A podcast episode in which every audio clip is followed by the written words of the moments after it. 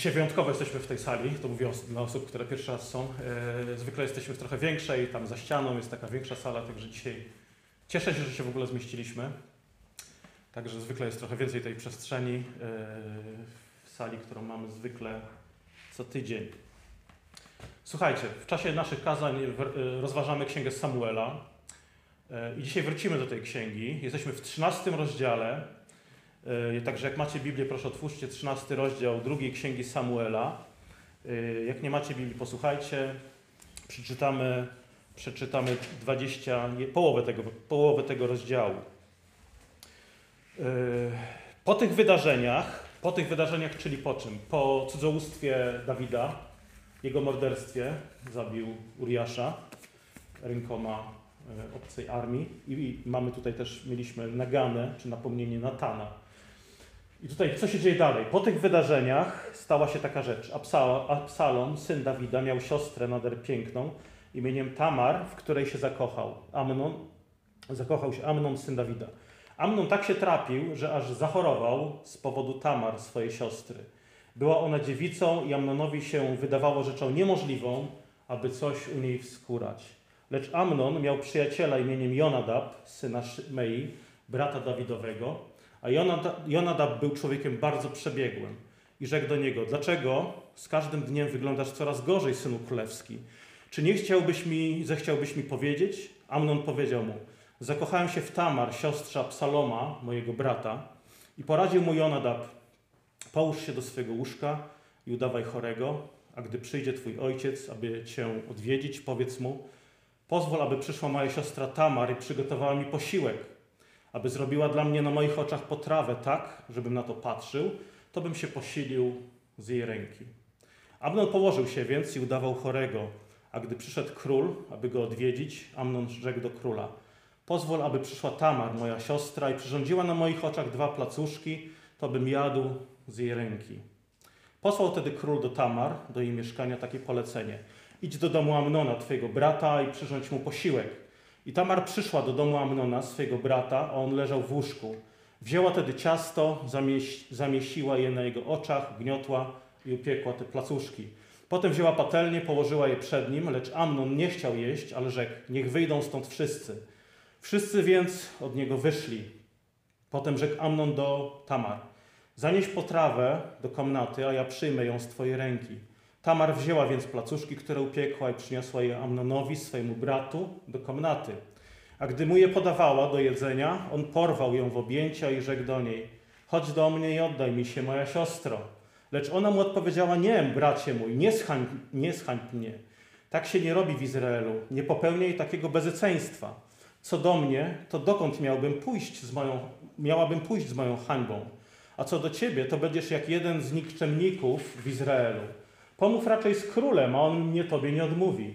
Lecz on nie chciał jej posłuchać, ale zgwałcił ją i zhańbił, gdyż z nią obcował. Potem, rzekł Amnon, potem zaś Amnon poczuł do niej bardzo wielką nienawiść, a jego nienawiść do niej była większa niż poprzednio miłość, jaką do niej żywił. Rzekł więc Amnon do niej, ruszaj stąd. Wtedy ona rzekła do niego, nie bracie mój, gdyż odprawiając mnie w ten sposób popełniasz większą niegodziwość niż poprzednią, której się dopuściłeś wobec mnie lecz on nie chciał jej słuchać. A nawet przywołał swego sługę, który mu usługiwał i nakazał mu wyprowadź, że tę, tę precz ode mnie i zarygluj za nią drzwi. Miała ona na sobie sukienkę z rękawami, gdyż tak ubierały się od dawien dawna córki królewskie, które były dziewicami. Gdy więc sługa jego wyprowadził ją precz i zaryglował za nią drzwi, Tamar posypała popiołem swą głowę, a sukienkę z rękawami którą miała na sobie rozdarła, położyła swoje ręce na głowie i szła głośno szlochając. Wtedy rzekł do niej Absalom, jej brat, czy Amnon, twój brat, był u ciebie? W takim razie, siostro moja, zachowaj milczenie, to twój brat. Nie bierz sobie tej sprawy zbytnio do serca. I zamieszkała Tamar, rozgoryczona i samotna, w domu Absaloma, swojego brata. A gdy król Dawid dowiedział się o tym wydarzeniu, bardzo się rozgniewał, lecz nie wyrządził żadnej przykrości Amnonowi, gdyż go miłował jako swego pierworodnego do tego miejsca. Panie, powierzamy Tobie wszystkie nasze sprawy. Prosimy Cię, abyś dopomógł nam zaufać Twojej mocy, Twojej dobroci. Panie, niech Twoje słowo kruszy w nas wszelkie obawy, wszelkie lęki przed codziennym życiem. Daje, abyśmy Ciebie jedynie się bali, yy, a nie ludzi. I udziel nam, Panie, wszelkiej mądrości, siły poprzez Twoje słowo, które jest naszym życiem, naszą mocą, naszym pokarmem. Amen. Pamiętamy, co się stało wcześniej, co się działo. Dawid popełnia cudzołóstwo i chcąc je zatuszować, popełnia morderstwo.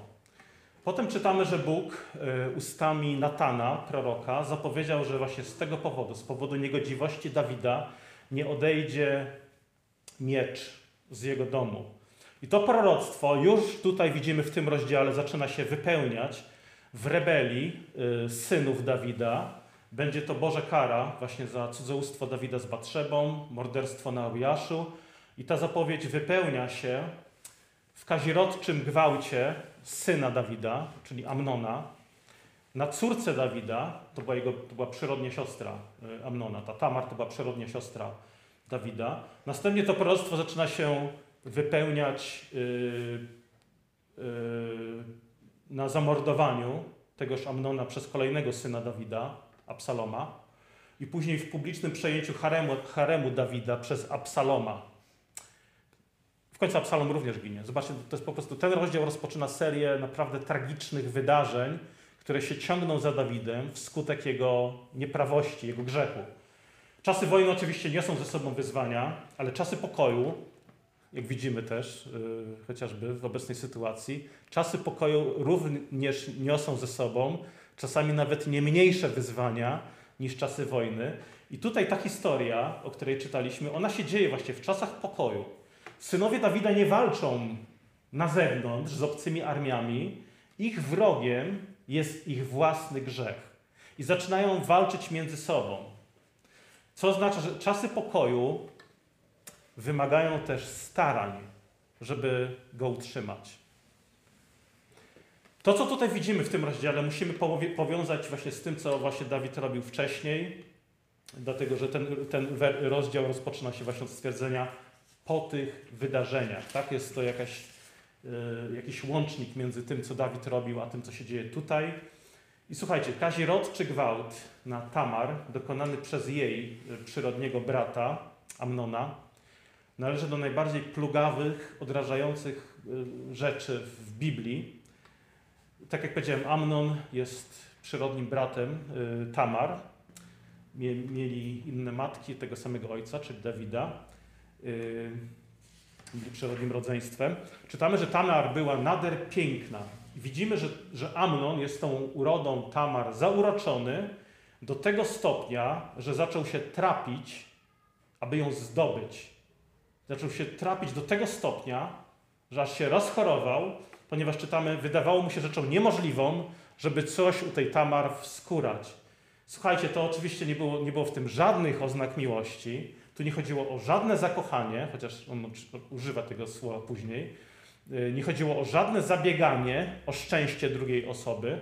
Nie ma tu żadnego romantyzmu. To była jedynie nieopanowana fizyczna żądza, a potem samolubne zlekceważenie, pogwałcenie godności Tamar.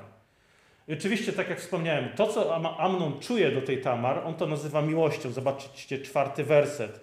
Y, Amnon mówi później do Jonadaba: Zakochałem się w Tamar, siostrze Absaloma, mojego brata. Zakochałem się. No nie, ale wiemy, że ten kazirodczy związek był zabroniony w prawie mojżeszowym. I zobaczcie, jak często w takiej naszej jakiejś, jakimś takim samooszukaństwie nazywamy miłością coś, co wcale nią nie jest. Nazywamy miłością wręcz grzech. Nazywamy miłością czasami bezwstyd, rozpustę. Ludzie nazywają miłością cudzołóstwo.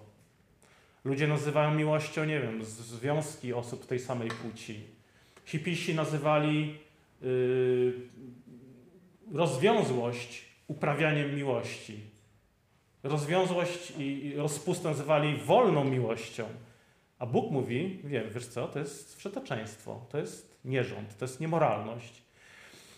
Nie powinno nas dziwić, że pragnienia, które stoją w sprzeczności z Bożym Słowem, wcale nie są miłością. I jak widzimy w tej historii, w historii Dawida, Amnona, Tamar, Absaloma, one prowadzą do i rozpaczy, i przykrych konsekwencji. I kiedy takie sprzeczne z Bożym Słowem pragnienie się pojawia, to mamy dwie drogi. Możemy je uśmiercić, albo możemy je nakarmić. Yy, dlatego biblijna rada jest taka: kiedy przychodzi pokusa jakiegokolwiek typu, nie koncentruj się na niej. Nie koncentruj się na niej, nie karm jej, po prostu ją zabij. Tak jak na tym obrazku święty Jerzy tą włócznią zabijający smoka. Nie, nie karm jej, nie dyskutuj z nią, po prostu ją zabij. Jak? Ignorując. W ten sposób ją zagłodzisz, zabijesz. Po prostu zajmij się, skoncentruj się na czymś innym, zajmij myśli czymś innym, zrób coś innego. Nie bądź bezczynny w konfrontacji z pokusą. Kiedy jesteś w klatce z wężem, to nie patrz mu w oczy, nie zastanawiaj się, jak blisko możesz podejść, żeby cię jeszcze nie ukąsił. Po prostu wyjść, wyjść z klatki i zajmij myśli nie wężem, zajmij myśli pieskiem albo kotkiem, czymś, czymś innym, czymś bezpiecznym. Słowo Boże jest ważniejsze, Boża wola jest ważniejsza niż nasze pragnienia. Amnon zamiast usiłować zabić swoje grzeszne pragnienie, zaczął je karmić. I to nakarmienie, zobaczcie, co dało? Dało jeszcze większą frustrację, pustkę. Ostatecznie to przyniosło śmierć e, Amnona i przede wszystkim przyniosło to krzywdę Tamar. Pamiętajmy, że Amnon jest y, najstarszym y, synem Dawida, jest księciem, dziedzicem. Może myślał, że tak jak jego tata wcześniej, no mogę mieć co chcę, skoro tak, Dawid też tak pomyślał. Jestem królem, poślij po tą kobietę, mówię o Batrzebie, więc Amnon poszedł tą drogą. Mogę mieć co chcę. Tamar jest piękna, tak, tak jak Batrzeba, podoba mi się. No to jak? Podoba mi się kobieta, podoba mi się piękna kobieta, czy to uczucie może być złe? Tak? Zobaczcie, wciąż, to dzisiaj, wciąż mamy z tym dzisiaj do czynienia. Czy, czy moje uczucie może być złe? Ale to przecież, to przecież, to przecież takie ludzkie. Przecież Bóg nie jest przeciwny zaspokojeniu ludzkich pragnień. Przecież nas stworzył z pragnieniami. Więc człowiek swojej jakiejś perfidii, nie konfrontując tego, czy jego pragnienia są Boże i dobre, nazywa to miłością, bo, a bo to jest moje pragnienie. Ale w rzeczywistości to, co czuje i to, co robi Amnon, nie ma nic wspólnego z miłością. To jest grzech, yy, jest pożądanie, potem się pojawia nienawiść. I człowiek w takim swoim samozwiedzeniu bardzo często jest w stanie oszukiwać samego siebie i nazywać grzech miłością. Kiedy to robi? Kiedy nazywamy grzech miłością? No właśnie wtedy, kiedy sami stajemy się punktem odniesienia, najwyższym standardem. Kiedy nie zważamy na Boże Słowo i sami postanawiamy być Bogiem, określać, co jest dobre, a co nie. Nazwę sobie, nazwę sobie dane uczucie czy daną rzecz miłością, a no to jeżeli to jest miłość, to ja mogę to wyjąć sobie, mogę to chwycić, sięgnąć. I teraz, ale czy to jest dobre? Czy to, no, no, no tak, to jest dobre. Skoro ja tego chcę, no to najwyraźniej to jest dobre. Skoro ja tego chcę, on czy ona tego chce, to chyba to jest dobre. No bo jak? Ja, ja tego chcę, ty tego chcesz, no to chwila. To jest tu ktoś jeszcze? Kogoś jeszcze mamy pytać o zdanie? Przepraszam, widzisz tu kogoś jeszcze? No nie ma tu jeszcze, nie ma tu nikogo więcej. Słuchajcie, to jest modelowy obraz rebelii przeciwko Bogu. Tak? W ten sposób grzech wszedł na świat. Ewa stwierdziła, ja chcę spożyć owoc. Adam stwierdził, ja chcę spożyć owoc. Widzimy tu kogoś jeszcze oprócz węża? Kto nam zabrania? Co więcej, owoc jest smaczny, będziemy się rozkoszować jego soczystością, no to znowu, to jaki jest problem? Ja chcę, ty chcesz, owoc jest smaczny. Znowu, jaki jest problem? To Bóg ma się nie cieszyć, kiedy ja się cieszę? Słuchajcie, tak działa moralne otępienie, tak działa ślepota duchowa. Biblia mówi, na czym polega miłość. Biblia mówi, na czym polega miłość i bynajmniej nie ma to nic wspólnego z niecierpliwym pożądaniem w wydaniu Amnona czy kogokolwiek innego. Pismo Święte mówi na przykład, że miłość jest cierpliwa. Czy Amnon jest cierpliwy? No bynajmniej. Amnon jest niecierpliwy. Yy, miłość potrafi czekać. Miłość jest łaskawa. Amnon jest arogancki. Miłość szuka tego, co służy, co służy dobru drugiej osoby. Amnon służy wyłącznie sobie i swojemu pożądaniu. Gdyby naprawdę kochał Tamar, chciałby zrobić wszystko, aby pomóc jej, żeby pozostała czysta, żeby była dojrzalsza w wierze, chciałby pomóc jej w rozwoju duchowym, chronił przed grzechem. A on co? On chce chwytać, on chce posiadać tu i teraz. I żeby zdobyć Tamar, posunął się do podstępu. I tutaj oczywiście mamy już kolej, druga scena, pojawia się kolejna postać, pojawia się przyjaciel Amnona, jego kuzyn Jonadab, bardzo, prze, bardzo przebiegły człowiek.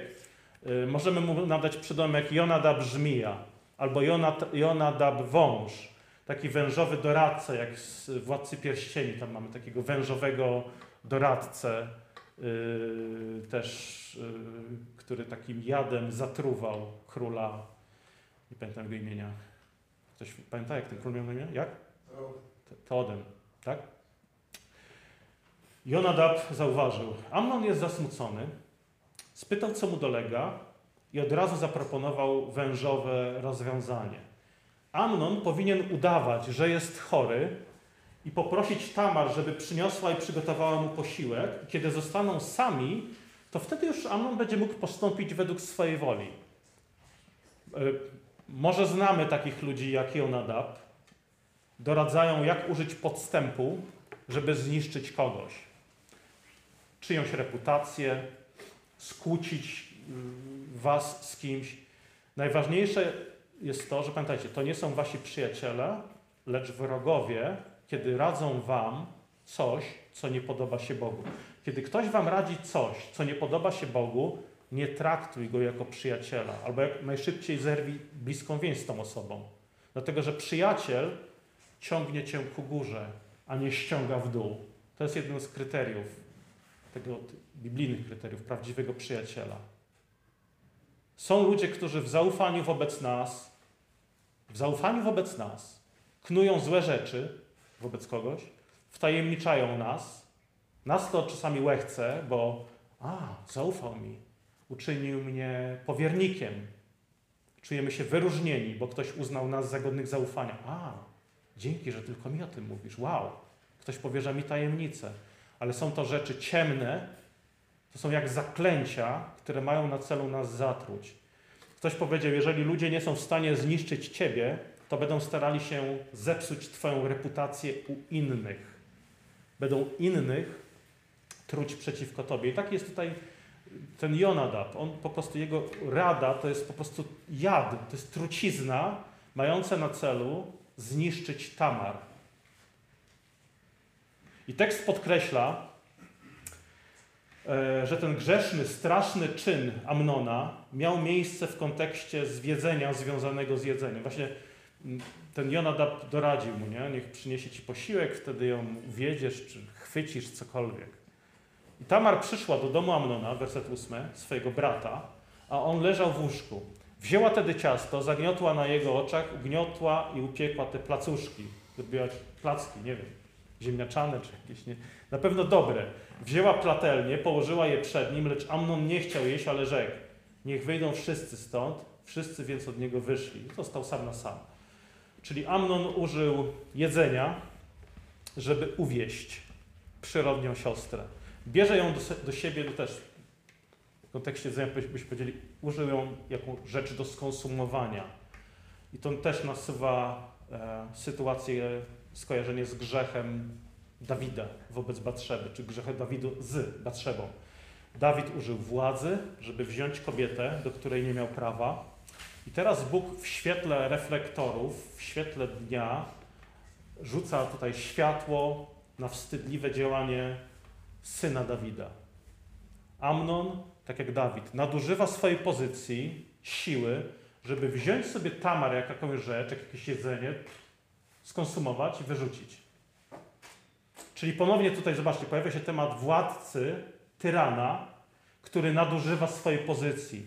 Biblia bardzo często przestrzega przed nadużyciami pozycji i władzy. I o tym, słuchajcie, zawsze musimy pamiętać w kontekście naturalnych pokus rządzących albo tych, którzy mają jakąś pozycję. Rządzący, przywódcy są narażeni na pokusę nadużywania władzy. I to jest diagnoza, to nie jest moja diagnoza, to jest diagnoza Pana Jezusa, który powiedział nam, jaka jest prawdziwa natura władców tego świata. Ewangelia Marka 10:42. Ale Jezus przywoławszy ich, rzekł do nich: Wiecie, że ci, których uważa się za władców narodów, nadużywają swej władzy nad nimi, a możni ich rządzą nimi samowolnie. Oczywiście jest to pewna generalizacja, pewne uogólnienie, ale ono pochodzi po pierwsze z ust Pana Jezusa, ono jest prawdziwe. W taki sposób powinniśmy patrzeć na duchowy stan, duchową diagnozę władców tego świata. Oni nadużywają swej władzy i rządzą samowolnie, bez respektowania Bożych ograniczeń i Bożej woli.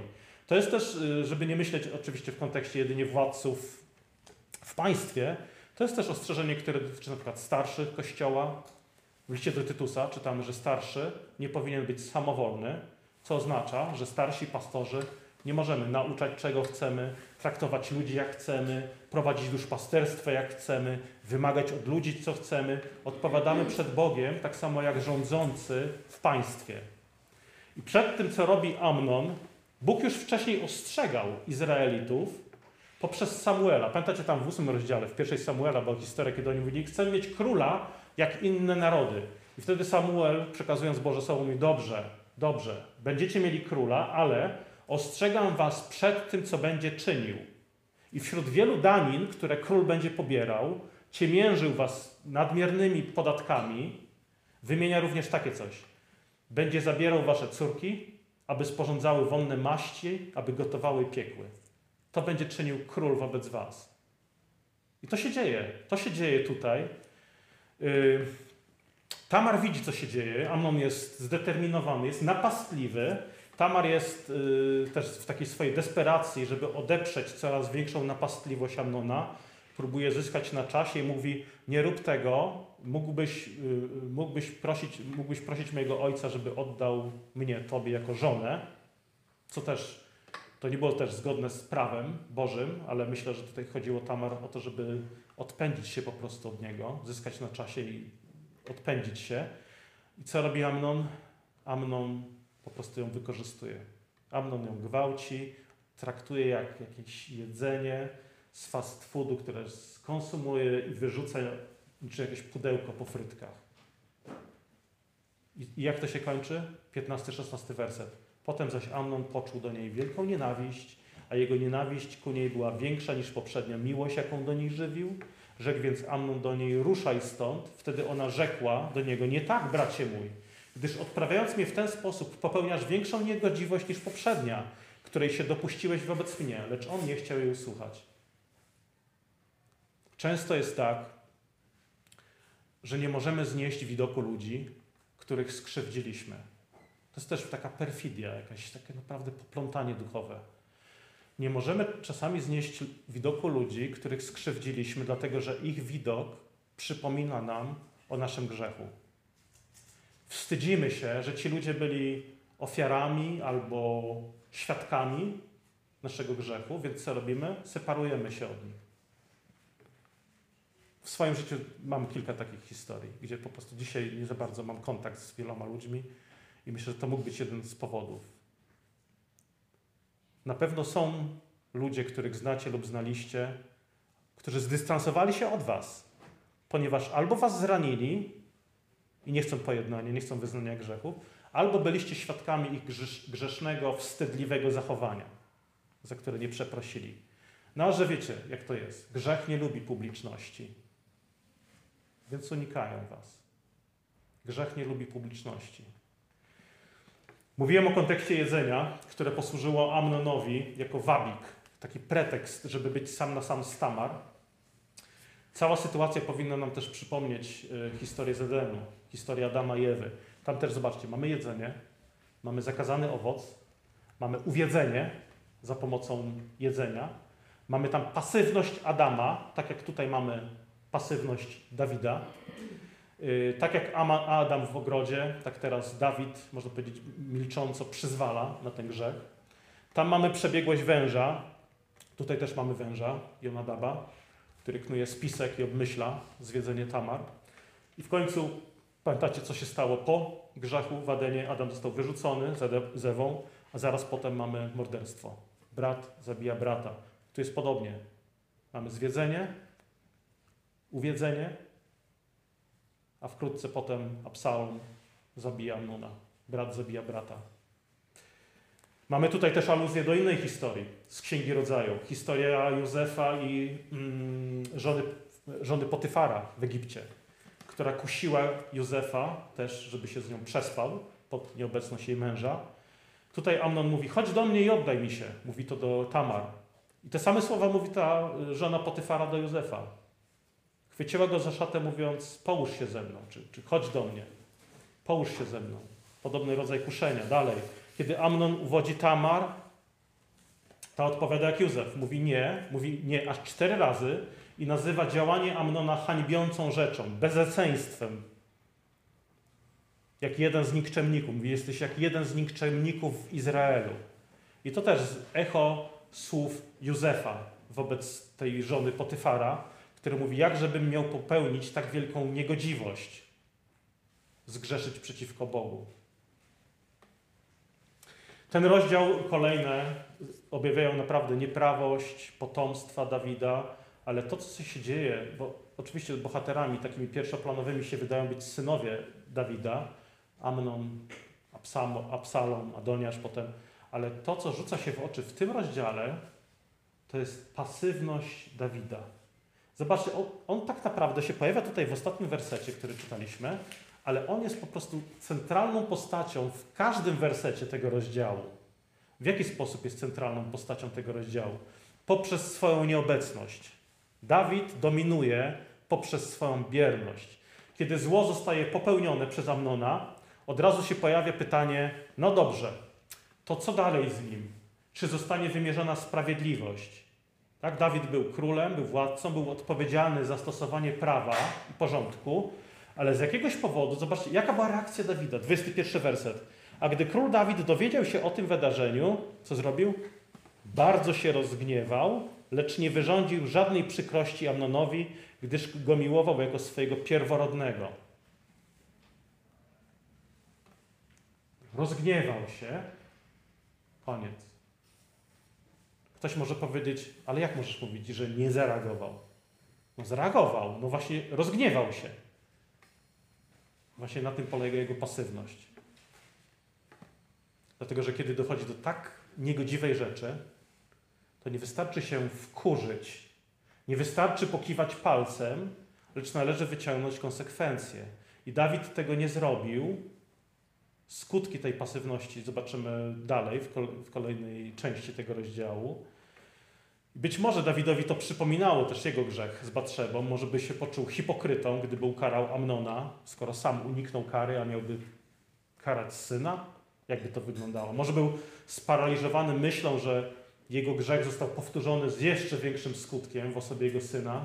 Więc dlaczego miałby reagować? Sam by się pogrążył i potępił w ten sposób.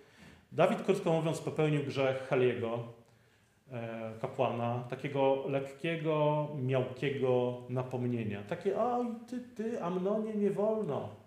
I tyle, nic więcej. Nic więcej. Niby mógł powiedzieć komuś, wiesz co, oburzyłem się, naprawdę. O, jestem oburzony tym, co się wydarzyło. Ale w rzeczywistości był to grzech zaniechania. I skutki tej pasywności będą dramatyczne. Dawid może myślał, że a, skoro ja tam się wkurzyłem, minie jakiś czas, zapomnijmy o tym. Będzie jakoś tak posprzątane, czas zaleczy rany, to się, sprawa się w ogóle jakoś rozpłynie. Ale Absalom rodzony brat Tamar, syn Dawida, wcale nie, zapomni, nie zapomniał. Pamiętał o tym zhańbieniu jego siostry i braku reakcji Dawida. Coś naprawdę złego się dzieje z Dawidem.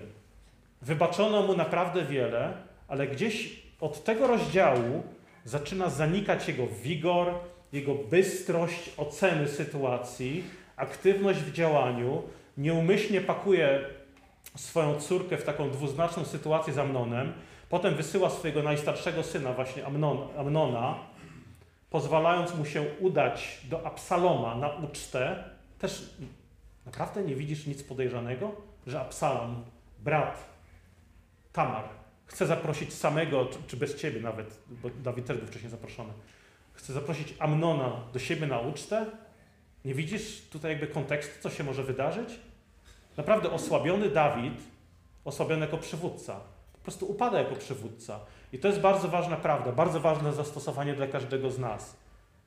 Grzech, niewyznany grzech, pielęgnowany grzech, grzech osłabia zdolność myślenia, wewnętrzną siłę, osłabia charakter, osłabia ocenę i przejrzystość sytuacji, osłabia poczucie sprawiedliwości. To są naprawdę dobre powody, żeby trzymać się z dala od grzechu. I chociaż Dawid ostatecznie ocalił królestwo, to od tego rozdziału nigdy nie odzyskał wigoru, wcześniejszego wigoru. Stracił inicjatywę, spędził resztę panowania raczej na reagowaniu niż inicjowaniu, braniu sprawy w swoje ręce.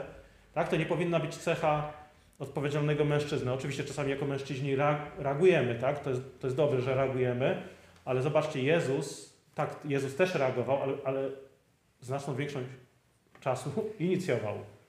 Dawid od tego momentu w ogóle nie inicjuje. Jest pasywny, jest bierny, jest wycofany.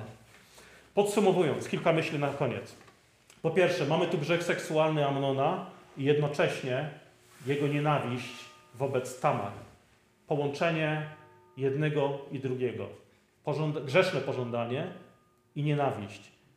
Grzeszny seks i nienawiść. Pomyślmy o tym w ten sposób.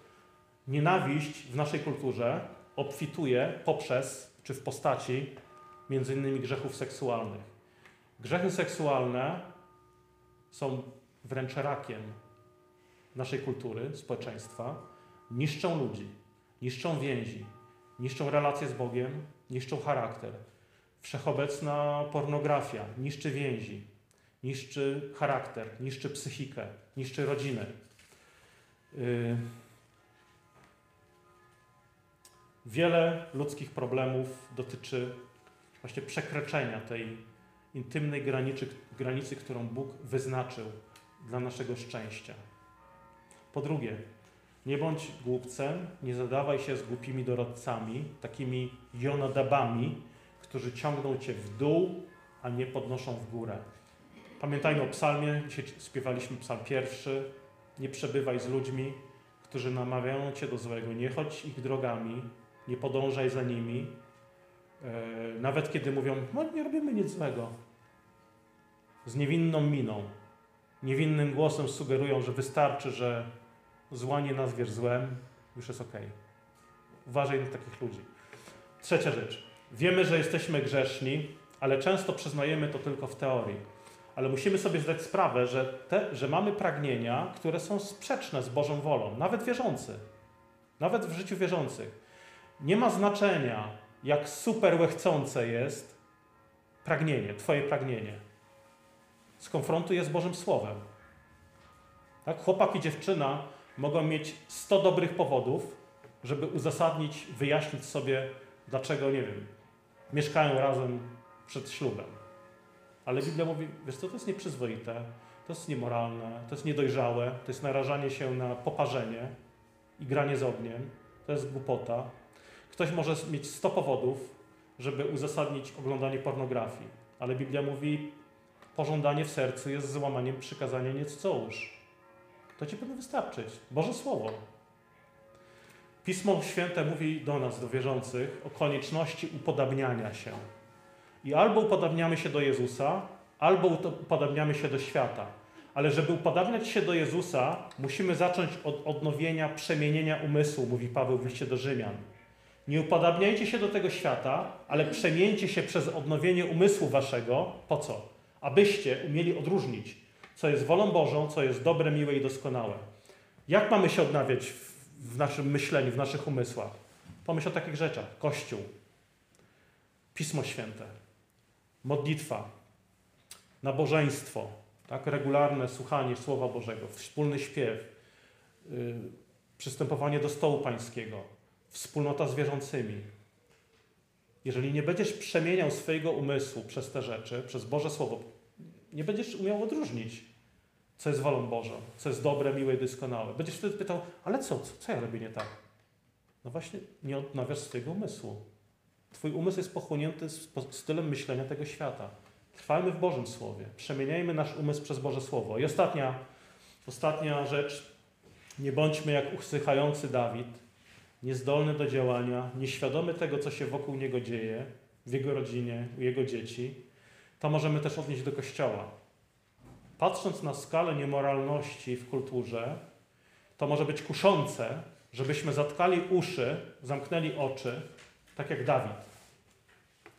I kiedy zamkniesz oczy, zatkasz uszy, to przynajmniej, mówię to w cudzysłowie przynajmniej, możesz powiedzieć, nie wiedziałem. Albo to, to się nie wydarzyło, nie widziałem. No ale dlaczego nie, nie, nie, nie Bo zamknąłeś oczy, zatkałeś uszy. To, y, łatwo jest powiedzieć, tak jak w, taki, jest taki film, to nie jest kraj dla starych ludzi. Łatwo jest powiedzieć tak, usprawiedliwić naszą bierność, udawanie, że nie widzimy nie słyszymy, stwierdzeniem, nie, nie, ale to, jest, to nie jest kraj dla chrześcijan. To, co się dzieje, to w ogóle to jest obce dla nas. To, to nie jest kraj dla chrześcijan. Ja, ja nie pasuję w ogóle do tego świata, jak ludzie myślą, wierzą, żyją, się zachowują. Po prostu kicam stąd gdzieś taki swój mały kącik, gdzie będę po prostu czekał na Jezusa. Ale słuchajcie, Jezus właśnie przyszedł na taki świat. On przyszedł na świat, który zupełnie nie pasował do niego. Nie przyszedł do kraju, na, w, którym czekano na niego z takim wielkim billboardem. Witamy Mesjasza. Widzimy, jaki był świat, yy, na który przyszedł Jezus. Grzechy seksualne, yy, opętani przez demony, faryzeusze, tutaj religijni ludzie paradujący ze swoją religią na pokaz, chwiejni uczniowie, uczniowie, którzy go zostawili, zdradzili i tak dalej. Naprawdę, czytając historię Jezusa, przypomnijmy sobie, po co my tu jesteśmy. Dlatego, że nasz świat dzisiaj wcale nie jest lepszy od świata, na który przyszedł Jezus pod względem obecności grzechu. Je Jezus ma Ciebie tutaj, abyśmy właśnie mówili prawdę takim otaczającym nas Jonadabom, żmijowi, żmijowym doradcą, yy, Amnonom, żebyśmy walczyli o Tamar. Tak? Wiele ta, z takich Tamar wokół potrzebuje Ciebie, potrzebuje Twojej ręki, potrzebuje Twojego głosu. I na koniec dobra, dobra wiadomość właśnie dla takich osób jak Tamar, jak Tamar, które zostały wykorzystane w różny sposób. Zranione, potraktowane bez należytej godności, w kłamliwy sposób, bez szacunku. I dobra y, nowina dla takich osób jak Tamar jest taka, że Chrystus przez swoją śmierć i zmartwychwstanie przyniósł nowe życie. On ma moc leczyć moje, Twoje wszelkie zranienia. Dlaczego? Ponieważ sam został zraniony. On sam został potraktowany instrumentalnie, niesprawiedliwie i w końcu został zabity. I ciekawe, że nawet po, po zmartwychwstaniu, kiedy się ukazał uczniom, były ślady po gwoździach, one nie zniknęły, ale te, te rany zostały przemienione. Bóg ma moc przemienić nasze rany, obdarzyć nowym życiem, nową radością, nowym sensem. Pomódlmy się. Boże, wszelkiego dobra, łaski, dziękujemy Tobie, że Twój Syn przyjął nasze ciało, ludzkie ciało i w nim objawił się światu, y, objawił Twoją wolę i uczynił nas swoimi Twoimi dziećmi przez swoje dzieło, przez y, męczeńską śmierć, przez chwalebne zmartwychwstanie. Spraw, Panie, abyśmy zawsze pamiętali, że chociaż nasz Pan przyjął postać sługi, y, to, to wciąż jest, y, jest sługą. Nie przestał być sługą, służy nam w swoim słowie, służy nam przy stole pańskim, ale będąc sługą jest i był jednocześnie Panem. Jest Panem, któremu należy się cześć i chwała. I Panie, prosimy Cię, aby Twoje słowo nas przemieniało na obraz Jezusa, abyśmy byli kształtowani w naszym myśleniu, naszym charakterze, naszej wrażliwości yy, przez Twoje słowo, abyśmy dojrzewali, byli jak Jezus. Amen.